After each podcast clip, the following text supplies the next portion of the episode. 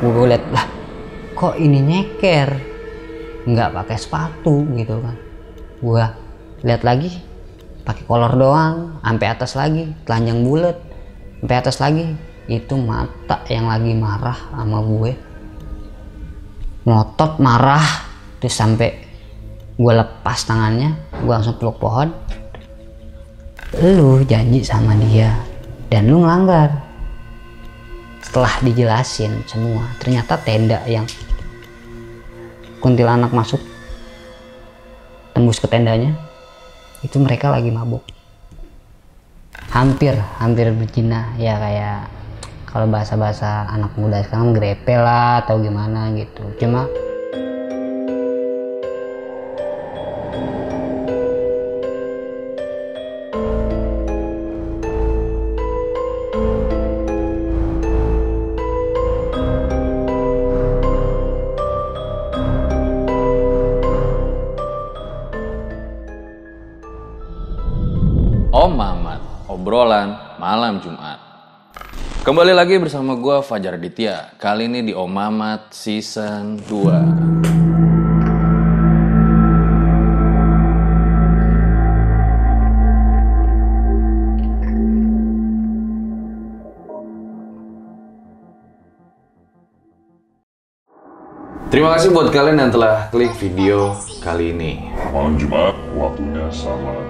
narasumber. Nah sekarang di samping gue udah ada Mas Lukman nih yang kebetulan punya pengalaman. Dia sempat tersesat ya ketika mendaki Gunung Guntur, di tahun 2006 ya kalau nggak salah ya. ya segitu lah. Apa yang dirasakan pada saat itu? eh kalau kesesat sih emang udah di luar nalar ya. Tapi kalau eh, gangguannya ini kayak digangguin kuntilanak ketemu kakek-kakek kayak gitu kan. Sampai telapak kaki besar kayak gitu kan. Sampai pulang nggak bisa tidur sama lima hari empat malam Hah? Pas pulang dari gunung tuh nggak bisa tidur lima hari? Hmm, lima hari empat malam Nggak ngantuk apa gimana? iya emang nggak bisa tidur Itu karena diganggu itu yang jadi masalah horor. ah horor tadi Oke. Dan pada saat mendaki itu berapa orang emang? Kalau dari Tangerang sendiri eh, 12 orang, Tang eh, Garut 6 orang kalau nggak salah. Oh jadi banyak. Banyak, Itu iya. semuanya tersesat. Semuanya tersesat gitu. Oh. Oke, jadi ditahan dulu ceritanya Oke, Mas. Sebelum gue mulai kayak biasa, subscribe dulu, like sama komen yang banyak biar kita makin semangat bikin videonya. Sama buat kalian yang pengen pesen baju RJ5 bisa banget nih. Pas banget mau lebaran kan? Bisa dipakai buat ke rumah si doi nih, cocok banget bajunya. Jadi langsung aja bisa pesen di Instagram atau WA di sini. So, gue rasa langsung saja berikut adalah ceritanya.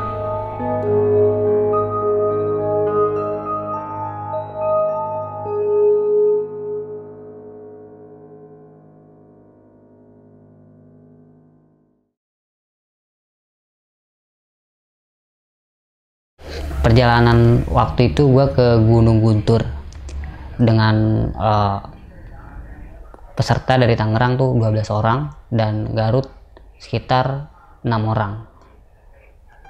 Pendakian waktu itu kurang paham tahun berapa, cuma eh, dokumentasi su- udah ada kayak gitu. Jadi emang eh, agak lupa juga pas pendakian itu tahun berapa kayak gitu kan.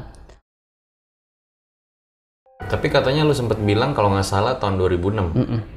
Kayak gitu ya kisaran 2006 sampai 2008 lah. Waktu itu kita eh, sepakat mau mendaki Gunung Guntur. Cuma karena emang kita baru pertama kali eh, mendaki mendaki Gunung Guntur itu, akhirnya kita minta bantuan teman-teman kita yang asal Garut gitu. Kebetulan kan emang Gunung Guntur kan eh, di daerah Garut kan. Eh, kita pikir kalau kita dengan warga sana gitu kan teman-teman kita yang di sana mungkin dia lebih paham jalurnya kan gitu. Makanya kita eh, 12 orang itu eh, musyawarah dan meminta tolong kepada tim asal Garut untuk bantu kita dalam pendakian tersebut gitu. Singkat cerita hari H tiba kita meluncur dari Tangerang tuh dengan truk sayur. Truk sayur eh, sampai ke pom bensin Tanjung. Pom bensin Tanjung tuh pom bensin yang eh, di bawah kaki Gunung Guntur. Nah, jadi dulu tuh emang di situ tuh base camp satu-satunya. Dan kalau sekarang kan banyak kan. Dulu base camp satu-satunya dan jalurnya jalur Kitis kalau waktu itu. Di sana kita mutusin untuk eh, menunggu tim dari Garut datang ya masak terus makan eh, sarapan pagi kan kayak gitu. Setelah sarapan pagi eh, karena emang gue belum beli rokok dari Tangerang gue mencoba buat eh, cari warung eh, untuk beli rokok lah gitu. Setelah gue jalan satu meter 2 meter ada yang manggil gue Kang kata dia gitu kan. Gue nengok. Gue lihat kayak siapa gitu kan. Cuma nggak nggak kenal gitu kan. Nggak kenal ini tuh siapa gitu. Bapak-bapak paruh baya ya umur hampir 40 tahunan lah gitu kan. Dia manggil Kang sini. Ya udah gua ke sana dong gua samperin. Iya Kang. "Ah, iya Pak. Ada apa? Kata gua gitu kan. Kata dia mau ke mana? Mau camping? Iya Pak. Emang kenapa ya Pak? Ke ini gunung belakang. Iya Pak gunung Guntur saya bilang gitu. Oh ya udah. Bapak cuma saran aja nih kata dia gitu. Saran apa ya Pak? Ya kalau bisa nanti eh, sebelum maghrib itu harus yang namanya eh, berhentilah. Kalau bisa udah camp udah naro apa udah campground di situ. Maksud dia gitu kan. Oh ya udah pak sebelum gua nanya alasannya kenapa si bapak itu langsung pergi gitu aja. Kayak gitu. Nah dari situ gua biasa aja sih nggak terlalu eh, belum ada kepikiran iya belum ada kepikiran apa-apa lah Itu- di situ. boleh lo apa? jelasin nggak? Bapak-bapak itu cirinya kayak gimana? Bapak-bapak paruh baya ya nggak terlalu tua juga sih. Cuma dia emang cuma berpesan itu doang sama gua. Kalau ciri-ciri biasa ah gitu, bapak-bapak biasa. baju. Ah, ah. gitu baju baju ya kayak, kayak kita lah sehari-hari kayak gitu kalau di eh, apa gunung tuh biasa orang-orang gunung biasanya pakai jaket lah. Hmm. ya kayak gitu dia. Sama. Terus? Setelah ketemu bapak-bapak tadi gue eh, nggak terlalu banyak pikiran yang aneh-aneh lah kayak gitu kan. Jadi setelah itu gue mutusin buat balik lagi ke teman-teman dan ngobrol santai di situ sampai jam setengah delapan itu tim Garut datang. Tim Garut datang kita langsung ke base camp di base camp kita simaksi lah bla bla bla. Agak agak agak lama juga sih di situ karena emang ada perlu yang di packing ulang lah atau apa gitu kan. Jadi kita mutusin start trekking tuh jam setengah sepuluh kalau nggak salah. Setengah sepuluh kita berangkat. Nah jalur pendakian Guntur itu dulu tuh kan masih ada tambang pasir masih aktif. Nah kalau sekarang kan udah nggak ada nih udah di portal. Nah dulu tuh tambang pasirnya tuh lalu lalang si eh, truk pasir tuh masih banyak. Jadi kita masih bisa numpang sampai ke pertambangan pasir gitu. Pas tanjakan itu truk pasir oleng. Entah olengnya karena apa entah nginjek eh, bebatuan atau apa nggak ngerti. Yang pasti oleng dan mau kita tuh mau guling semuanya gitu. Si truk pasirnya ini. Nah dari situ gue udah sama teman-teman udah mutusin dah turun di sini. Turun kata dia kenapa emang kang udah nih ke depannya udah nggak bakal beres kata dia gitu yang ada turun yang ada kita malah jatuh ramean mau kata dia gitu udah akhirnya kita turun dari dari truk eh, sayur tadi kan ya udah kita mutusin jalan lagi nih itu 18 orang muat di truk pasir itu Iya muat. Soalnya kan diri berdiri semua. Truk pasirnya agak gede. Terus dari situ kita jalan santai. Terus kan waktu di, waktu itu kan jalurnya jalur eh, savana kan gunung guntur tuh. Jadi eh, kalau kita tengah hari di savana kan panas banget tuh. Nah jadi ada jam sebelasan apa jam setengah belasan gitu. Uh, ada salah satu tim dari pendaki Garut namanya Kang Isan. Dia almarhum sih udah almarhum. Ya pang gua panggil almarhum aja lah. Itu dari kata almarhum gini Kang bentar dah segini. Kenapa Kang? Tapi, tapi pakai bahasa Sunda sih lebih lebih ke pakai bahasa Sunda gitu kan. Cuma di situ ng- ngomong sama almarhum Kang ini kita masih aman kan? Nah setelah gua ngomong gitu "Eh, Kang sorry gua mau ngomong nih. Kenapa kita nggak alihkan ke jalur yang lebih enak aja gitu kan? Lebih enak gimana kang maksudnya? Ya kan kalau laut sini panas nih kata dia. Panas banget kasihan juga anak-anak kan gitu kan ya udah gimana kang aja lah karena gua ngormatin eh, dia asli situ kan dan gua gua yakin dia tahu jalurnya gitu. Ya udah kang. Bebas ya udah. Di situ kita ngambil jalur ke kanan. Oke, jadi karena keputusan almarhum itu lu ngambil jalur yang beda. ambil yang beda gitu. Kan harusnya jalur kita tuh jalur eh, aslinya tuh yang gua baca yang gua gua searching jalur pendakian Gunung Guntur tuh eh, savana kan dan lewatin pasir. Nah yang almarhum bilang itu bukan jalur situ kita melipir ke sebelahnya Gunung Guntur. Gitu. Jadi jalurnya itu emang gu- kontur gunungnya tuh emang pepohonan hutan lebat. Kalau guntur kan bener-bener gersang terus gundul gitu kan. Jadi kalau kita siang hari lewat situ tuh wah kayaknya makan tenaga banget gitu kan makan tenaga banget. Terus eh, akhirnya ya udah di situ udah sepakat juga sama teman-teman kita lewatin jalur yang sebelah kanan ya udah.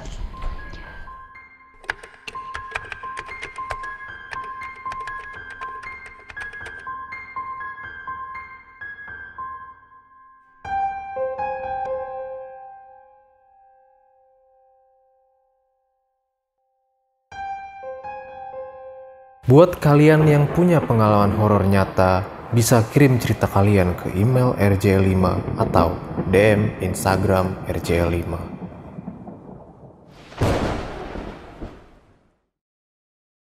karena kita udah sepakat sama teman-teman gitu kan sama almarhum juga kata dia udah kita jalur kanan ya udah kita mutusin jalur kanan gitu sebelum kita memasuki batas vegetasi jalur si pasir sampai ke hutan itu gue udah sempat ngomong sama almarhum kang ini jalurnya aman gak gitu kan. Aman kok kang tenang kata dia gitu. Nah di situ dia ngomong si almarhum nanti sebenarnya ada yang mau gue tunjukin gitu. Tunjukin apa sih kang? Ini jalur kita tembusnya ke eh, puncak lima kata dia. Kok bisa sampai puncak lima kang? Iya kan jadi kita tuh muter punggungan begini terus. Nah ntar ini puncak lima puncak eh, empat puncak tiga puncak dua baru pos tiga kata dia jadi kita muter gitu kang. Kata dia gitu kan baru pertama gua nginjekin kaki eh, batas vegetasi itu tanyakan udah tinggi banget. Kang ini jalur yakin? Gitu kan kata temen gue gini itu jalur apaan Kang? Buset tinggi banget kata dia gitu kan ini mah jalur astagfirullahaladzim kata dia gitu namanya. Lah ya juga ya. Udah di situ kan udah jalurnya konturnya pasir tinggi banget ini di situ pelan-pelan teman-teman pada naik ya alhamdulillah lancar bisa sampai Itu Mas, lu di pendakian ini berapa cewek, berapa cowok? Kalau cewek itu dari Garut kan tim Garut kan nggak ada nggak ada cewek. Tapi di per- di tengah perjalanan situ kita ketemu sepasang eh, pendaki pacaran lah kalau bisa dibilang gitu kan. Satu cewek satu cowok gitu. Nah, yang kalau dari tim lu? Dari tim gua cuma ada dua. Oke. Nah, ada dua. Udah itu aja sih berarti total ada tiga lah cewek. Yang lainnya semuanya cowok semua gitu. Nah dari situ kita jalan santai terus santai sampai waktu isoma. Waktu isoma tuh pas banget gue inget itu temen gue ketemu sama bapak-bapak. Kalau bisa dibilang dia pemburu pemburu burung. Kenapa gue bilang pemburu burung? Soalnya dia bawa perangkap-perangkap burung kayak gitu kan. Nah temen gue sempat nanya pak ini jalur pendakian kalau arah eh, kalau ke arah pos 3 ke mana? Gitu kan. Pos 3 ya? Oh mau camping adek kata dia. Iya pak. Itu nanti di depan. Tinggal turun aja ke bawah kata dia. Nanti ada jalur air itu udah pos 3 gitu. Udah karena emang tim dari Garut duluan kan. Akhirnya gue mutusin buat nelpon kan dari pas ketemu si kakek-kakek itu kan. Wah ini bentar lagi pos 3 kan dia duluan gue telepon masih dapat sinyal waktu itu emang. "Eh, Kang ini kita gimana nih? Kata ada eh, bapak-bapak bilang tinggal belok kiri langsung pos 3 enggak Kang lu lurus aja. Nanti pertigaan jangan ambil kanan. Kalau kanan itu ada longsoran kata dia gitu. Udah lurus aja gue nelpon gitu kan temen gue tahu kan. "Eh, ya udah kata temen gue gitu ya udah ikutin aja. Oke jadi gue bilang gitu kan. Oke jadi. Loh, lu kenapa malah bisa sama yang tim Garut? enggak dia kan emang eh, depan dia sweeper. Maksudnya dia eh, jadi karena gua terlalu intens sama siapa namanya tim Garut nih uh, kontek-kontekannya gitu kan. Kang udah lu depan gitu. Gue belakang. Emang selalu dalam pendakian gue nggak cuma di Guntur sebenarnya pendakian sama mereka tuh nggak di Guntur doang gitu. Sebelum Jadi tim lo yang 12 orang di belakang. ya jadi tim gue di 12 orang tuh di belakang itu termasuk gue gue paling belakang. Dan teman-teman yang lain tuh di depan. Dan paling depannya itu ya tim Garut tadi gitu. Jadi usut punya usut ternyata dia buka jalur kayak nebang-nebang pohon. Begitu Lu nggak tahu tuh udah itu. nggak tahu waktu itu. Ya udah gue ikutin aja ikutin uh, apa kata dia kan lurus ya udah gue lurus. Sebenarnya dia juga baru buka jalur pertama kali. tuh. iya gitu. Dia cuma cuma baca uh, kontur kontur per- pergunungan Guntur itu ya kan dari peta. Dia dia pelajarin kayak gitulah. Ya kayak ilmu ilmu dasar kayak gitu. Tapi sebenarnya bukan tempatnya itu gitu kan. Nah, ini dari situ singkat cerita gue lanjutin jalan eh, sampai eh, jam 3an kalau nggak salah. Jam 3 tuh udah mulai kabut datang kabut datang nggak lama ada sosok sosok yang yang lewat sekali dua kali tiga kali. Tetap gua santai aja gitulah. Udah biar Sosok apa yang lu lihat? kayak orang-orang lari sih sebenarnya. Cuma nggak kayak bayangan cuma nggak nggak begitu jelas kayak gitu. Jadi emang dia cuma lari doang. Jadi antara semak-semak ke antara semak-semak ke semak-semak lain gitu. Karena gua paling belakang kan gua ikutin kayak jadi kalau ada teman-teman istirahat gue tungguin ayo kang. Ayo udah istirahatnya udah jalan lagi. Tet- tetep gue masih di belakang waktu itu gitu sekitar 45 menitan lah dari jam 3 lah ya hampir jam 4an itu udah mulai gerimis kan. Gerimis nah gua jalan pelan-pelan gitu lembahan demi lembahan lembahan demi lembahan gua lewatin sampai becek sampai hujan gede ya kan. Sampai pacet udah mulai nyerang. Pacet tuh nggak cuma nyerang kaki doang udah sampai ke leher pacet badan tuh udah penuh pacet itu waktu itu. Udah dari situ gua nemu lembahan yang agak tinggi. Tinggi banget ada sekitar 2 meter lah itu kalau kita naik tuh nggak bisa sendiri. Apalagi kalau kita jatuhnya bawa keril tuh pasti berat banget gitu. Ditambah jatuhnya hujan hujan banget gitu kan. Di situ gue coba buat paling depan sama almarhum. Kang kita naik duluan. Ya udah. Habis itu gue bantu dong teman-teman. Biar semuanya bisa naik eh, agak curam lah lumayan. Jadi eh, posisinya tuh gue pegang pohon sebelah kiri. Tangan kiri ini megang pohon. Jadi sebelah tangan kanan gue nih narikin teman-teman gue satu-satu naik gitu kan. Nah setelah mereka naik kang lu duluan kang.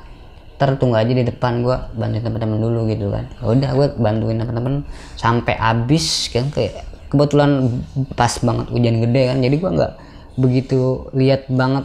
Ya namanya hujan gede gimana sih kalau kita bawa motor aja?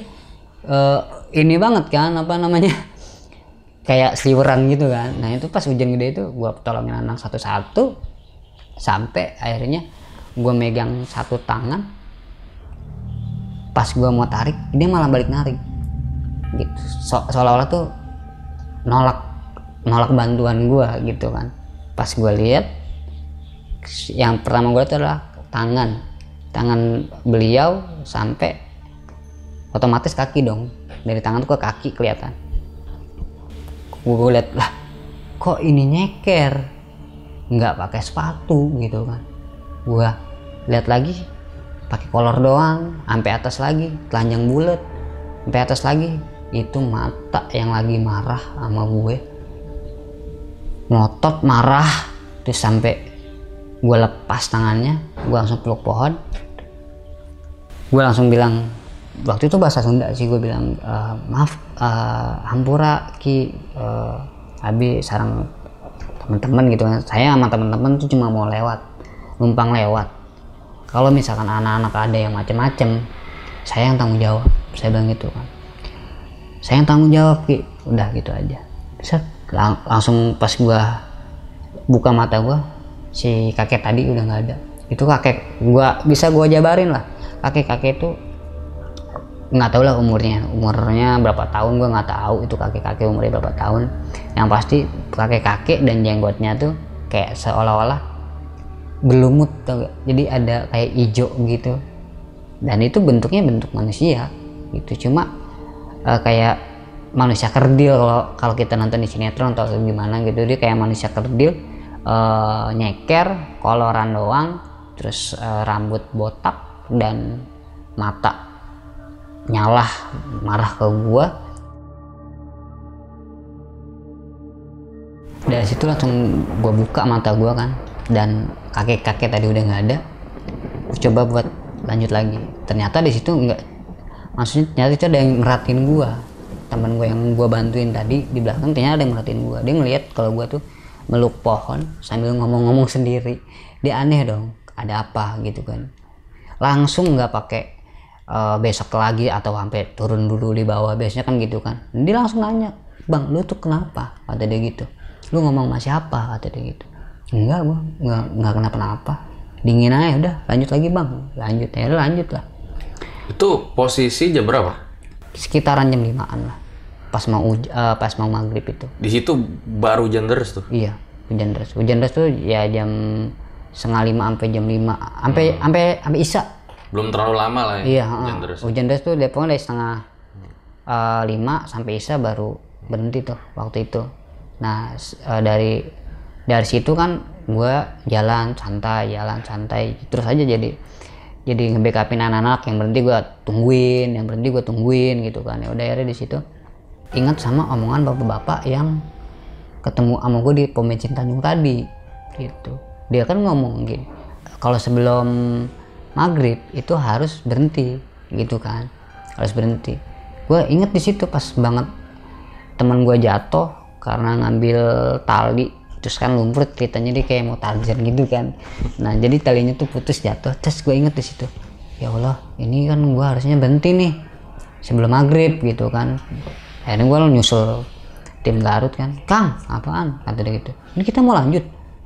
Ini maghrib lu Kang. Di situ sempat emosi juga sih karena emang inget omongan tadi kan gitu. Ini mau lanjut gak iya lanjut Kang kata dia. Kenapa kok lanjut? Gue pengennya berhenti. Udah camp di mana? Justru itu Kang. Dia ngomong gitu kan justru itu Kang. Kita ini nggak berhenti karena nyari tempat yang agak luas buat campground kata dia gitu. Oh gitu. Ya udah.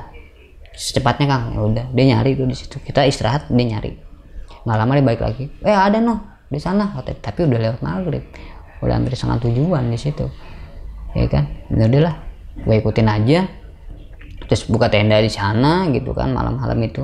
Hujan kan masih gede banget di situ. Hujan gede dan tenda jadi pun udah nggak ada lagi di luar. Semuanya masuk. Kenapa kita semua pada masuk dan nggak mau keluar dari tenda? Pertama hujan besar. Gede banget hujan. Kedua serangan pacet. Kalau kita keluar otomatis pacet banyak mau nggak mau kita ngendep di dalam aja buat ngilangin serangan pacet itu kan. Ya udah akhirnya di Itu situ. bisa lo jelasin nggak? Hmm. pada saat itu eh, posisinya tuh kayak gimana? Apakah hutan atau gimana? Mm, kan eh, hutan itu tuh hutan rimbun dan ada satu lobang kalau nggak salah itu perangkap babi warga dah. Di situ ada satu lobang perangkap babi warga yang nggak bisa kita buat tenda. Jadi jatuhnya tuh tenda gua nih dekat lobang tadi nah pohonnya tuh rimbun banget. Ada yang namanya pohon tuh kembar di depan tenda gua nih. Depan tenda gua kembar pohonnya dan ada eh, apa namanya batang yang ngehubungin antara pohon satu sama pohon lainnya gitu kan. Dua jadi kayak bentuk hemok kayak gitu. Kayak bentuk hemok kayak gitu kan. Jadi benar-benar hutan yang rapet ya saat itu hutan ya. rapet, rapet. Dan benar-benar berarti gelap banget dong ya. bukan main kalau gelapnya. Pokoknya di situ malam itu bukan cuma gelap yang kita dapet sunyi juga. Segitu ramenya teman-teman karena mungkin kehujanan capek atau gimana mereka tuh pas masuk tenda semua udah pada tidur gitu. Eh, malam malam pertama itu yang gue rasain atau teman-teman juga ngerasain tuh teman-teman gue juga semua pada ngerasain sih nggak cuma gue doang gitu kan. Jadi eh, waktunya sunyi teman-teman tidur tuh jam delapanan lah udah sih udah sunyi lah di situ.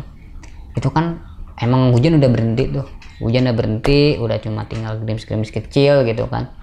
Ada eh, salah satu suara di sumber suara tuh di samping tenda gua jadi tenda gua tuh dikencingin.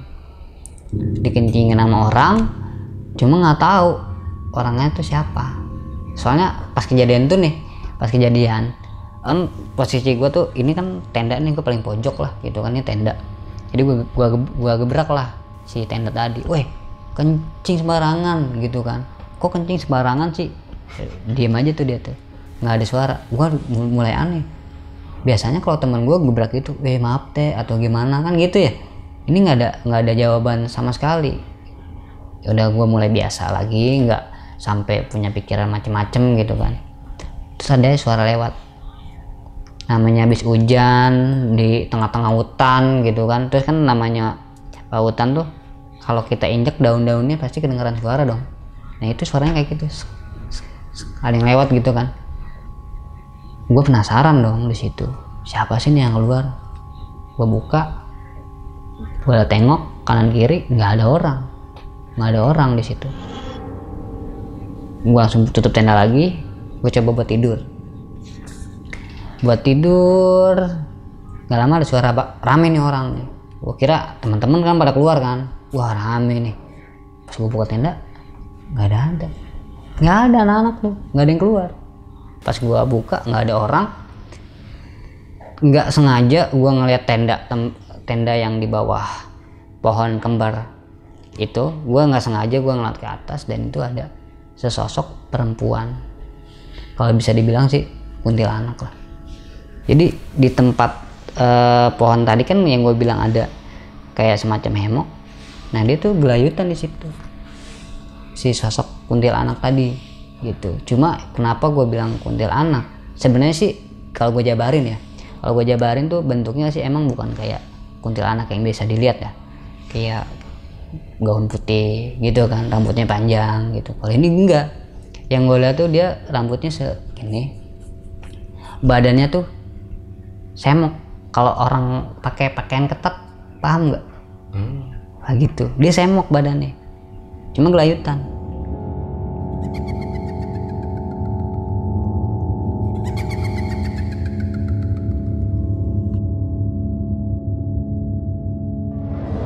Sehingga lama gelayutan itu dia langsung masuk ke tenda yang teman gue isi tuh.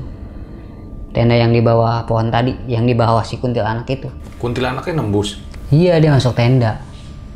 Masuk tenda tembus kayak gitu. Setelah dia masuk tenda Itu baru kedengeran suara cekikan Kayak semacam burung. Suaranya begini. Kik Kik Kik. Baru cekikannya kenceng banget di situ. Buru-buru tutup tenda coba buat tidur ya kan? Akhirnya gue bisa tidur paling berapa menit lah tidur gue tuh. Kalau nggak salah 15 menitan. Itu udah hujan gede lagi. Itu ada yang denger selain lu? gue bisa pastiin gue doang. Nggak ada lagi soalnya semuanya udah pada tidur sih. Kayak gitu. Nah gue tidur lagi eh gue coba buat tidur 15 menit kemudian hujan itu karena mungkin karena hujan kali ya. Nggak lama kemudian ada suara raungan. Gue, gue pikir mah dari apa gitu kan. Pas gue bu- buka mata melek ternyata temen gue udah kedinginan di belakang gue itu cewek namanya Intan. Jadi gue satu, satu tenda nih. Isinya gua Ucil cowok Intan sama Dini. Berempat. berempat. cowok dua cewek dua gitu kan. Gue liat Intan itu udah kedinginan udah ngigil gue gua mikir apa ini yang namanya hipo kali ya? Waktu itu kan gue emang baru pertama kali apa namanya eh ngeliat gitu kan apa ini hipo kali. Tapi gue emang udah belajar sebelumnya dengan baca-baca gitu kan. Akhirnya di situ gue bangunin Ucil Cil bangun Cil kata gue Cil apa Intan lihat dilihat Intan keadaan kayak gitu dia langsung panik. Wih hipo ini mah hipo kata dia gitu kan.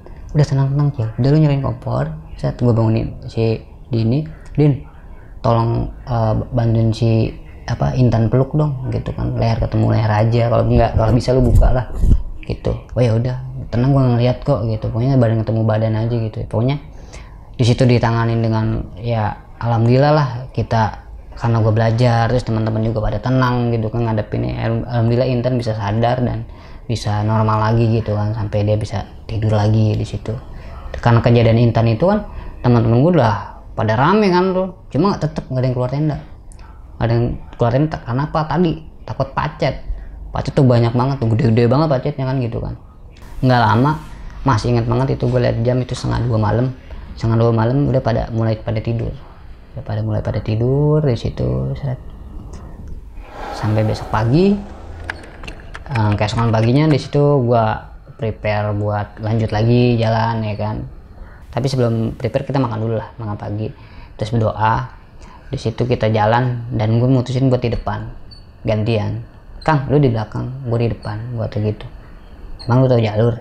Disekak dong gue iya sih. Gue nggak tahu ada gitu kan. Ya udah ayo lanjut lagi. Tetep gue masih ngobrol lah sama almarhum kang ayo ngob, eh, jalan nih. Mana sih jalurnya? Pengen tahu gitu. Akhirnya baru berapa langkah lah adalah cuma sekitar 2-3 meteran gue jalan kaki itu eh, Kang Isan langsung stopin gue tadi lu Kang kata dia. Ada apaan nih? kata gue gitu kan. Kata Kang Isan tuh lihat tuh Kang. Lihat tuh. Gue lihat jejak kaki. Gue bilang gitu. Gue deketin dong. Gue deketin itu jejak jejak kaki tuh. Kiri kanan kiri jejak kakinya. Dan itu jejak kaki eh, manusia tapi nggak pakai sepatu. Manusia nyeker ya berbentuk ada jarinya lah ya kan? Setelah gue cocokin ini misalkan ini eh, telapak kaki. Nah gue cocokin dong telapak kaki gue dan itu jauh banget. Gede gede banget di situ. Tanpa bahasa basi kang Isan hapus hapus kata dia gitu. Gue paham. Kita kan paling depan nih. Kenapa suruh hapus? Takut teman-teman lihat. Gitu kan hapus ya udah nah nggak ini lo gue hapus aja deh semua. Udah hapus. Lanjut kang. Ya udah ada lu duluan kang. Kang Isan duluan lagi. Udah gue di situ belakang gitu kan. Terus sampai sampai gue nggak ngomong dari atas udah ada suara. Stop kang kata dia. Woi kenapa? Gitu kan. Stop. Jalur putus tadi ah putus? Ya bener lu kang. Iya putus. Mau lanjut. Coba gua loket dulu pas gue liat loket ternyata jalurnya emang putus putusnya tuh emang karena longsoran jadi jalur tuh emang di bawah pinggiran tebing dan tebing itu udah ambles gitu Di situ lo baru tahu kalau lo tersesat. Iya, gitu. Dan gue tuh udah sem- gua, di jalur itu gue udah ngeliat Gunung Guntur tuh ada di sebelah kiri gue. Gitu. Ya, gue ngeliat wah Guntur. Turun lagi nih Kang. Iya. Ya udah gue sempet dada Guntur gitu kan.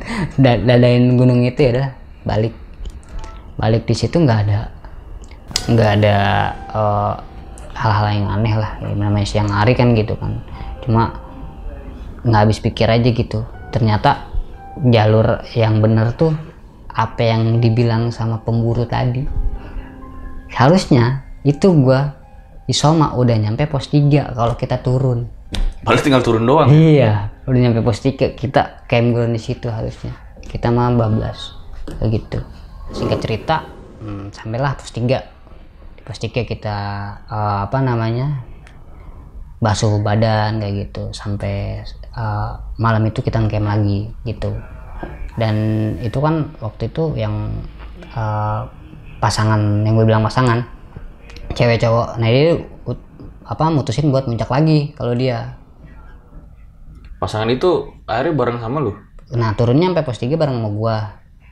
Ngecamp terus besok paginya kita pulang dia muncak Oke. pas arah pulang itu gua ngerasain hal yang beda banget dari temen-temen gua gitu kan. Yang di atas itu pada diem mungkin jaga omongan atau apa gua nggak ngerti lah.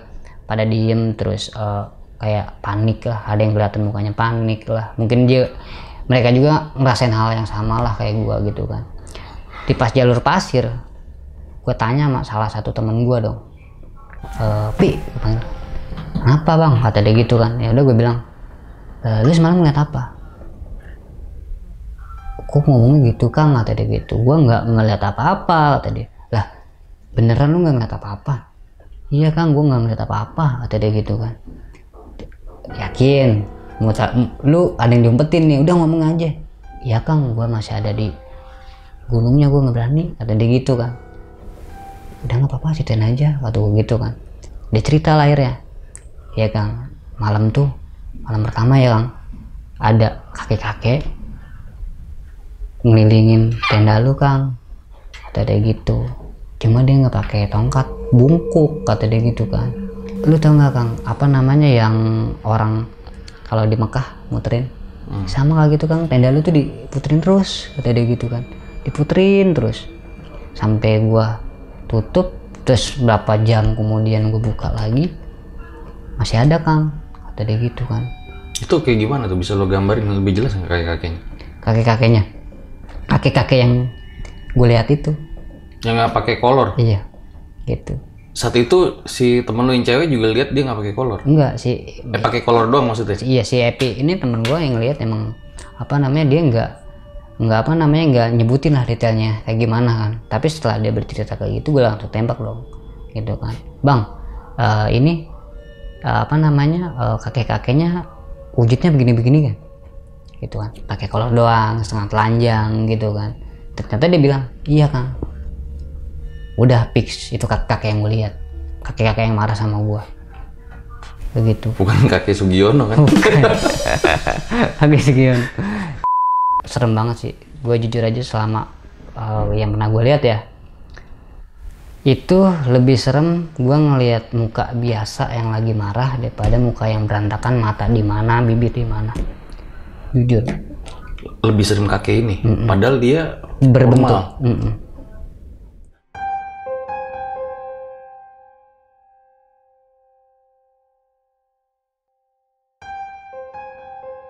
Sebentar mas gue potong. Tadi kan lu bilang tersesat tiga hari nih. Hmm.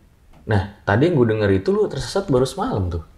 Iya, jadi waktu itu emang kita tuh ketemu sama aliran.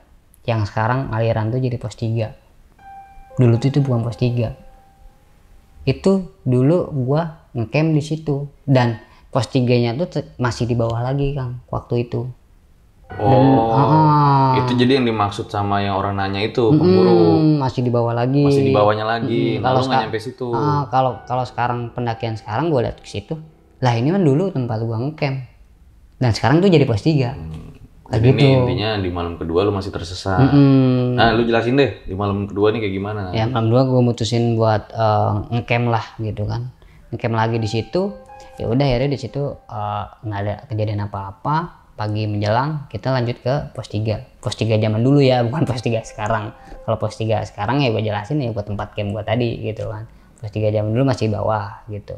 Gue sama apa namanya teman-teman mutusin buat turun kan. Si sepasang pendakian tadi eh si sepasang muda-mudi tadi yang pacaran itu mutusin buat lanjut. Kang gue lanjut lah kata dia gitu. Oke lu lanjut eh, mau ke puncak apa gimana? Ya udah ntar gue sama dia langsung ke puncak aja Kang. Berarti camp sono dong di atas. Iya. Ya udah. Mereka lanjut gue sama teman-teman pada turun. Gitu kan.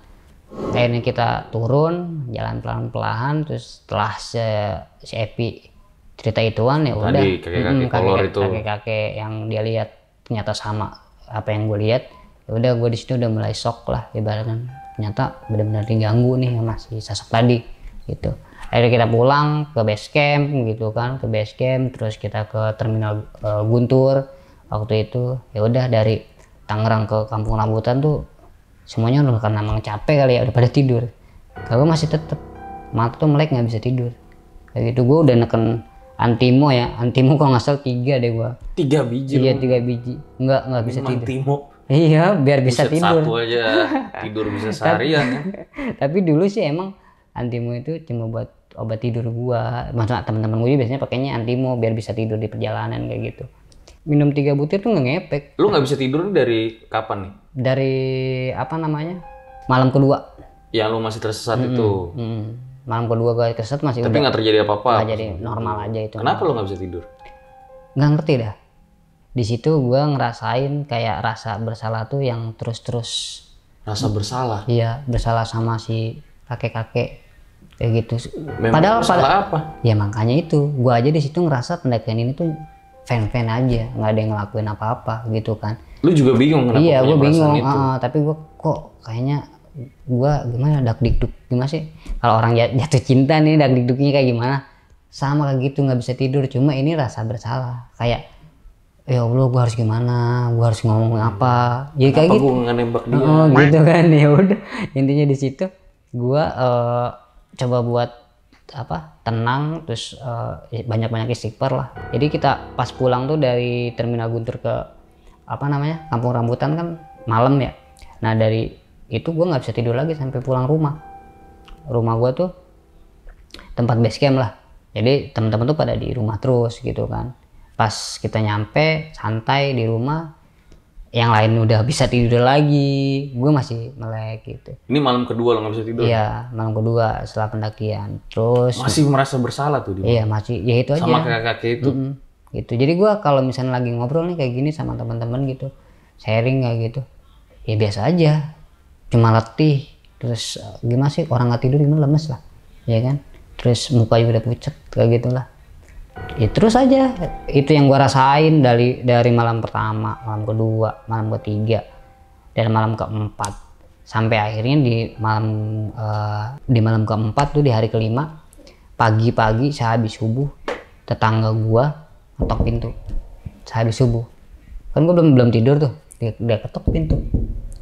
Assalamualaikum. Gua bilang waalaikumsalam. Kata dia kang gua buka dong. Weh ada apaan lu gua mau ngobrol? Ngobrol apaan? Gimana ya? Ngomongnya ya kata dia gitu. Udah ngomong aja sih. Di rumah gua aja dah kata dia. Oh ya udah. Udah akhirnya gua ke rumah dia dong. Pas rumah dia ngomong "Eh, Kang apaan? Gitu kan. Ada kakek-kakek tadi subuh nyamperin gua kata dia. Maksudnya? Kakek-kakek subuh-subuh nyamperin gua kata dia gitu gua langsung teng inget kan sama kakek-kakek itu. Kakek-kakeknya secara detail lah. Nggak pakai sepatu. Terus cuma kolor doang. Setengah telanjang waktu gitu. Terus eh, jenggotnya agak keijuan kayak belumut gitu. Iya. Betul itu dia kata dia gitu. Yang bener lu nyamperin lu. Yang gue pikirin dia kan nggak tahu apa-apa. Dia kan nggak ikut pendakian dalam waktu itu tetangga gua. Dia disamperin dan dia bilang nanti malam lu harus ke saung kata dia. Saung tuh tempat pengajian gua gitu. Dia tempat pengajian gua sama anak-anak kampung gitu kan.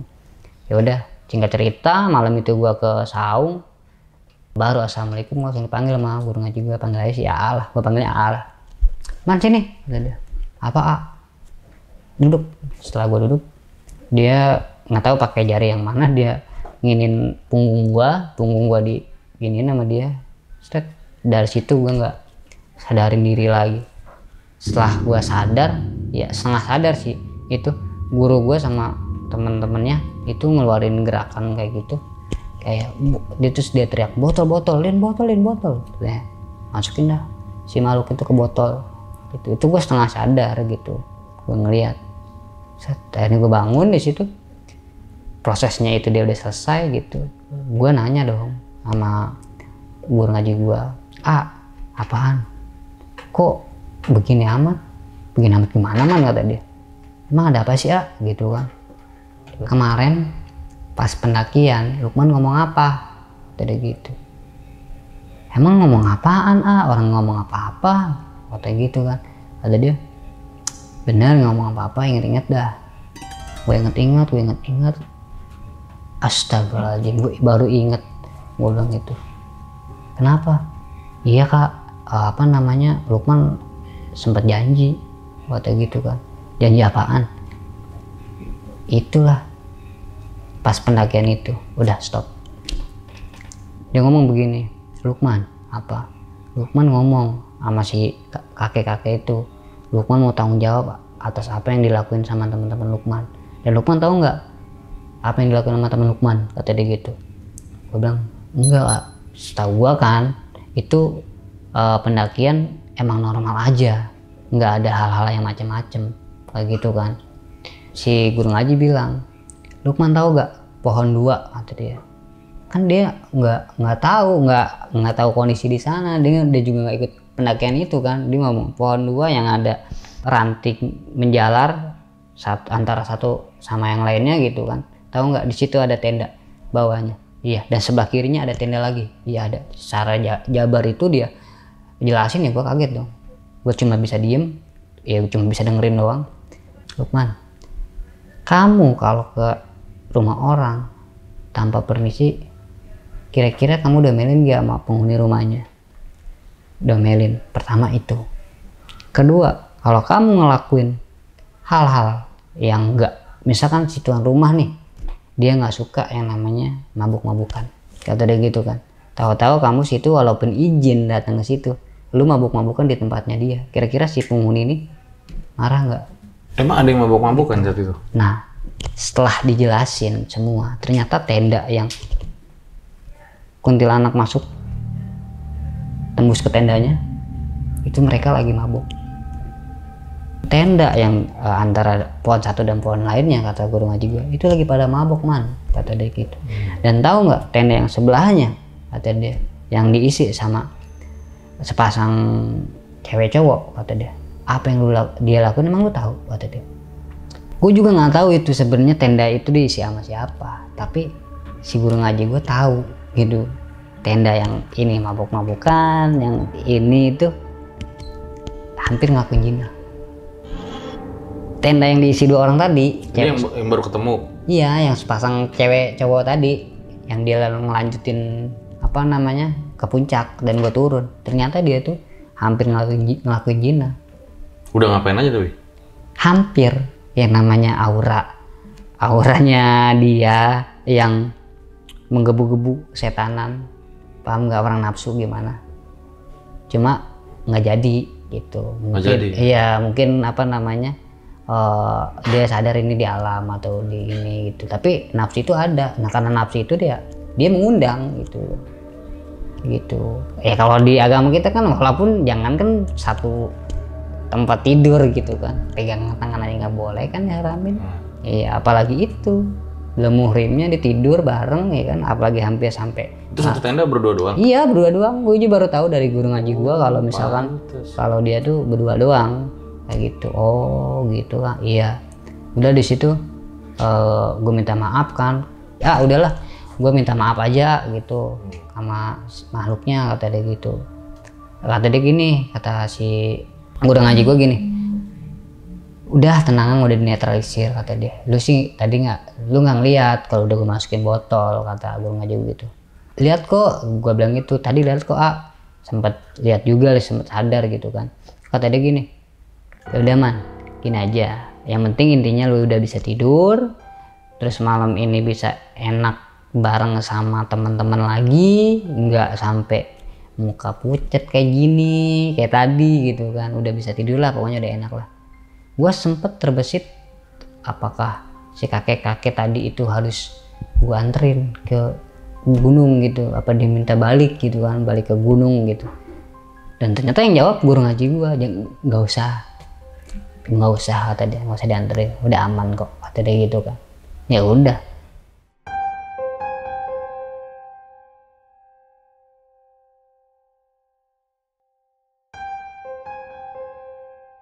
Selang beberapa, eh, beberapa lama dari kejadian itu sampai apa namanya sampai baru kemarin tiga hari tiga hari kemarin. Kan gue sebelumnya belum tahu ya maksud tujuan si kakek kakek tadi itu apa ngikutin gue kayak gitu. Dan gue sempet datengin guru ngaji gue dong. Ah masih inget gak eh, Lukman yang diikutin kakek kakek tadi? Eh kakek kakek waktu itu gue kata gitu kan. Oh yang botolnya ono. No masih botolnya sekarang masih ada?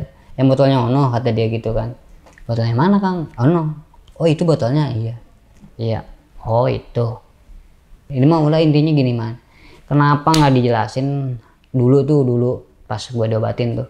Dulu kenapa nggak diobat eh, nggak dijelasin? Si kakek ini kenapa ngikutin dulu? Karena takutnya lu shock. Dan lu nggak mau lagi naik gunung. Gue tahu itu hobi lu. Gue tahu lu seneng banget naik gunung kata dia gitu kan. Si kakek ini udah fatal man buat lu kata dia.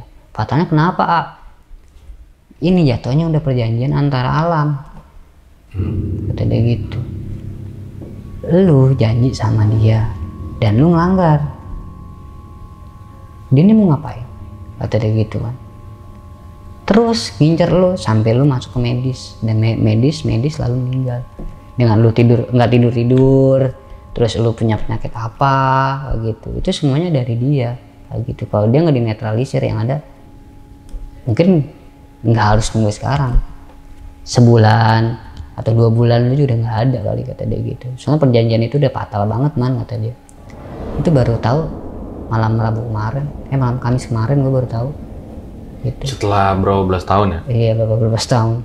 Kenapa nih kakek kakek ini ngikutin gua? Dan gue baru kemarin Baru tahu tahu. ja- baru tahu jawabannya gitu. Karena gua berucap janji ya hitungnya janji janji udah Tapi kenapa lu kok sampai ngucap janji kayak gitu? Mau nanggung semua kesalahan temen lu? Bahkan ada yang Iya. dua orang hmm. lu baru kenal lu mau nanggung juga kenapa? jadi emang satu pendakian itu kan gua gua anggap ya emang tim gua lah semua gitu kan. Dan orang yang bener-bener apa peka sama hal kayak gitu ya gua di situ. Kayak gitu. Sewaktu gua ketemu sama dia gitu dan dia marahin gua kayak gitu gua itu sebenarnya refleks. Refleks gua dan rasa gua lah yang apa namanya yang bisa berhubungan sama lu gitu sama si makhluk ini gitu. Yang lain Si kan ngelindungin yang lain lah. Iya, gue lah yang bisa berhubungan langsung sama lu gitu kan. Yang lain kan gak ngeliat. Yang lain kan nggak nggak bener-bener intens face to face kayak gitu lah. Gue kebenaran face to face ya gue janji dong. Hmm. Bukan janji sih gue berucap asal gitu aja. Lu ngasal juga nggak tahu iya, akibatnya Iya gitu ya. refleks gue refleks itu ya kalau Sumpah demi Allah ki gue kata gitu kan. Sumpah demi Allah ki gue nggak nggak mau ma- nggak mau macem-macem cuma mau numpang lewat gue kata gitu kan kalau emang macem-macem ya gue lah yang tanggung jawab tenang aja gue juga percaya dong sama temen-temen gue teman-teman gue baik-baik gitu kan nggak sampai bawa-bawa begitu dan ternyata bawa kayak gitu kan. Nggak tahu juga. nggak tahu juga kayak gitu. Kalau mau daki tuh kalau bisa lu filter lagi lu selektif lagi mana yang bener gitu kan. Ya udah akhirnya gue mutusin kan sampai sekarang gue na- eh, naik tuh cuma sama empat orang. Gue nggak mau ada orang luar kenapa? Ya takutnya kejadian tadi. Tapi setelah lu udah dimasukin botol tuh tadi yang Hmm. kejadian sama guru ngaji lu, lu udah nggak mengalami apa-apa lagi. udah nggak Udah bisa tidur biasa. udah bisa normal Akun aktivitas biasa. iya betul Oh, gitu Oke kalau gitu. Nanti gue tanya di closing ya. Oke, Bakal banyak pertanyaan. oke siap.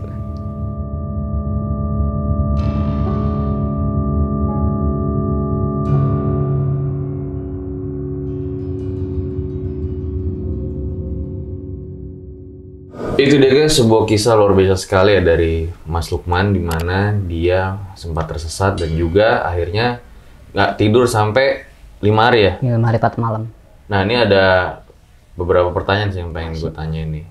Kan tadi di awal lu bilang tersesat tiga hari dua malam ya di Gunung Guntur ya bersama 18 orang. iya betul Nah jadi maksudnya tersesat lu itu setelah gue dengar cerita lu, Hmm. jadi lu buka jalur tuh yang temen-temen lu Iya. yang lu nggak tahu sebelumnya dia buka jalur, sampai akhirnya lu nggak ketemu ke puncak ke Gunung Iya. Gunturnya, Ah, akhirnya balik lagi. balik lagi balik Jadi lagi. bukannya lu tersesat, lu nggak bisa balik atau gimana? kan? enggak bukan jadi emang kesesat nggak nyampe puncak sih sebenarnya gitu Jalur yang Jalur lu nggak pernah tahu sebelumnya. emang jalurnya bukan jalur resmi itu ya begitu aja kesesat guanya nggak tahu ke mana arah puncak dan ini kan sempet eh, kanan kiri megang golok buka jalur otomatis ini gue kesesat dong harusnya kalau gue tahu ini gue nggak kesesat ngapain ini buka jalur kan gitu Oke, berarti lebih ke situ ya. Iya. Terus juga tadi lima hari itu berarti lima hari empat malam lu nggak tertidur ya? Iya. Dari pas masih ngecamp di malam kedua itu ya. ya sampai pulang Dan di awal itu kan lu sempet bilang Hmm. katanya ketemu sama kayak kakek juga yang berpesan ya. Kalau pas maghrib Hmm. jangan lanjut jalan, iya ngecamp aja. Heeh. Itu sama nggak kakeknya? beda, beda. Ah, kayak gitu. Dan gue kan mikirnya di pendakian itu kenapa gue bisa ngalamin kayak gitu? Gue mikirnya emang ah gue kayaknya enggak apa namanya sebelum maghrib kan harusnya si kakek kakek bilang kan gue berhenti Hmm. dan ternyata gue masih lanjut dong sampai gue nyari tempat campground. Nah mungkin gue ngelanggar si kakek kakek yang bilang ke gue pas di pemisin Tanjung gue pikir itu dan ternyata setelah gue tahu semuanya diobatin sama guru ngaji gue ya ya mabok sama hampir jinah tadi Kalau boleh Iya. tahu nyaris berzinanya udah ngapain mas? hampir hampir berzina ya kayak kalau bahasa-bahasa anak muda sekarang grepe lah atau gimana gitu cuma kalau detailnya sih kalau kata guru ngaji gua si cewek ini imannya masih kuat dan masih bisa nahan dan masih bisa nolak. Gitu aja sih. Satu tenda berdua ya. iya satu tenda berdua gitu. Dan lu kaget juga ya denger pas apa ketahuan kalau ternyata nyaris kayak gitu ya. iya. Ya kaget juga sih. Soalnya kan juga kelihatannya alim juga gitu kan. Nggak nggak kelihatan banget orang-orang. Gimana sih orang-orang baik-baik aja kuliahan waktu itu dia waktu anak kuliahan. Dan setelah kejadian ini lu masih suka daki gunung kan? masih Bang.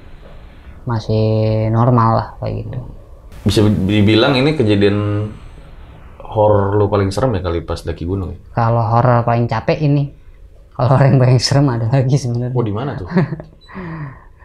nggak bisa nyebutin gunungnya di mana Eh, terus kenapa gua nggak bisa nyebutin gunungnya di mana karena emang gua per- eh, udah janji juga sama kunciannya nggak bisa gitu cuma waktu itu kisi-kisinya gua masuk ke alam goib. Dan dari pos 4 ke pos 3 itu harusnya kan cuma 15 menit. Gue dari pos 4 ke pos 3 dari Isa sampai jam setengah tiga malam baru nyampe pos 3 Sendiri? Gue berempat. Dan itu gue ngalamin semua berempat. Dan kenapa gue bilang tadi sama kuncennya? Ternyata kuncennya tuh ngebukain mata batin kita berempat biar kita bisa pulang Belum pernah lu ceritain nih channel mana-mana? belum cuma emang nggak boleh sih gue nggak Lu nggak mau cerita? iya karena gue berempat aja udah udah ngomong Berarti memang nggak mau lu iya ceritain? nggak mau ceritain udah khusus kita aja berempat kayak gitu Oke, jadi kalau misalnya kalian pengen dengar ceritanya Mas Lukman, teror aja IG-nya nih. Siapa tahu dia berubah pikiran. Nanti gue taruh IG-nya dia di deskripsi ya. Gue rasa cukup demikian episode Mamat pada kali ini. Makasih banyak Mas Ya, Lukman telah menyempatkan waktunya bercerita di RJ5. Ambil baiknya, buang buruknya. Dengan adanya cerita-cerita seperti ini, jangan malah menjadikan kalian takut. Akan tetapi kalian harus semakin yakin dan percaya dengan kebesarannya. Gue Fajar Aditya, Mas Lukman, RJ5 undur diri. Selamat menjalankan ibadah puasa. Ciao.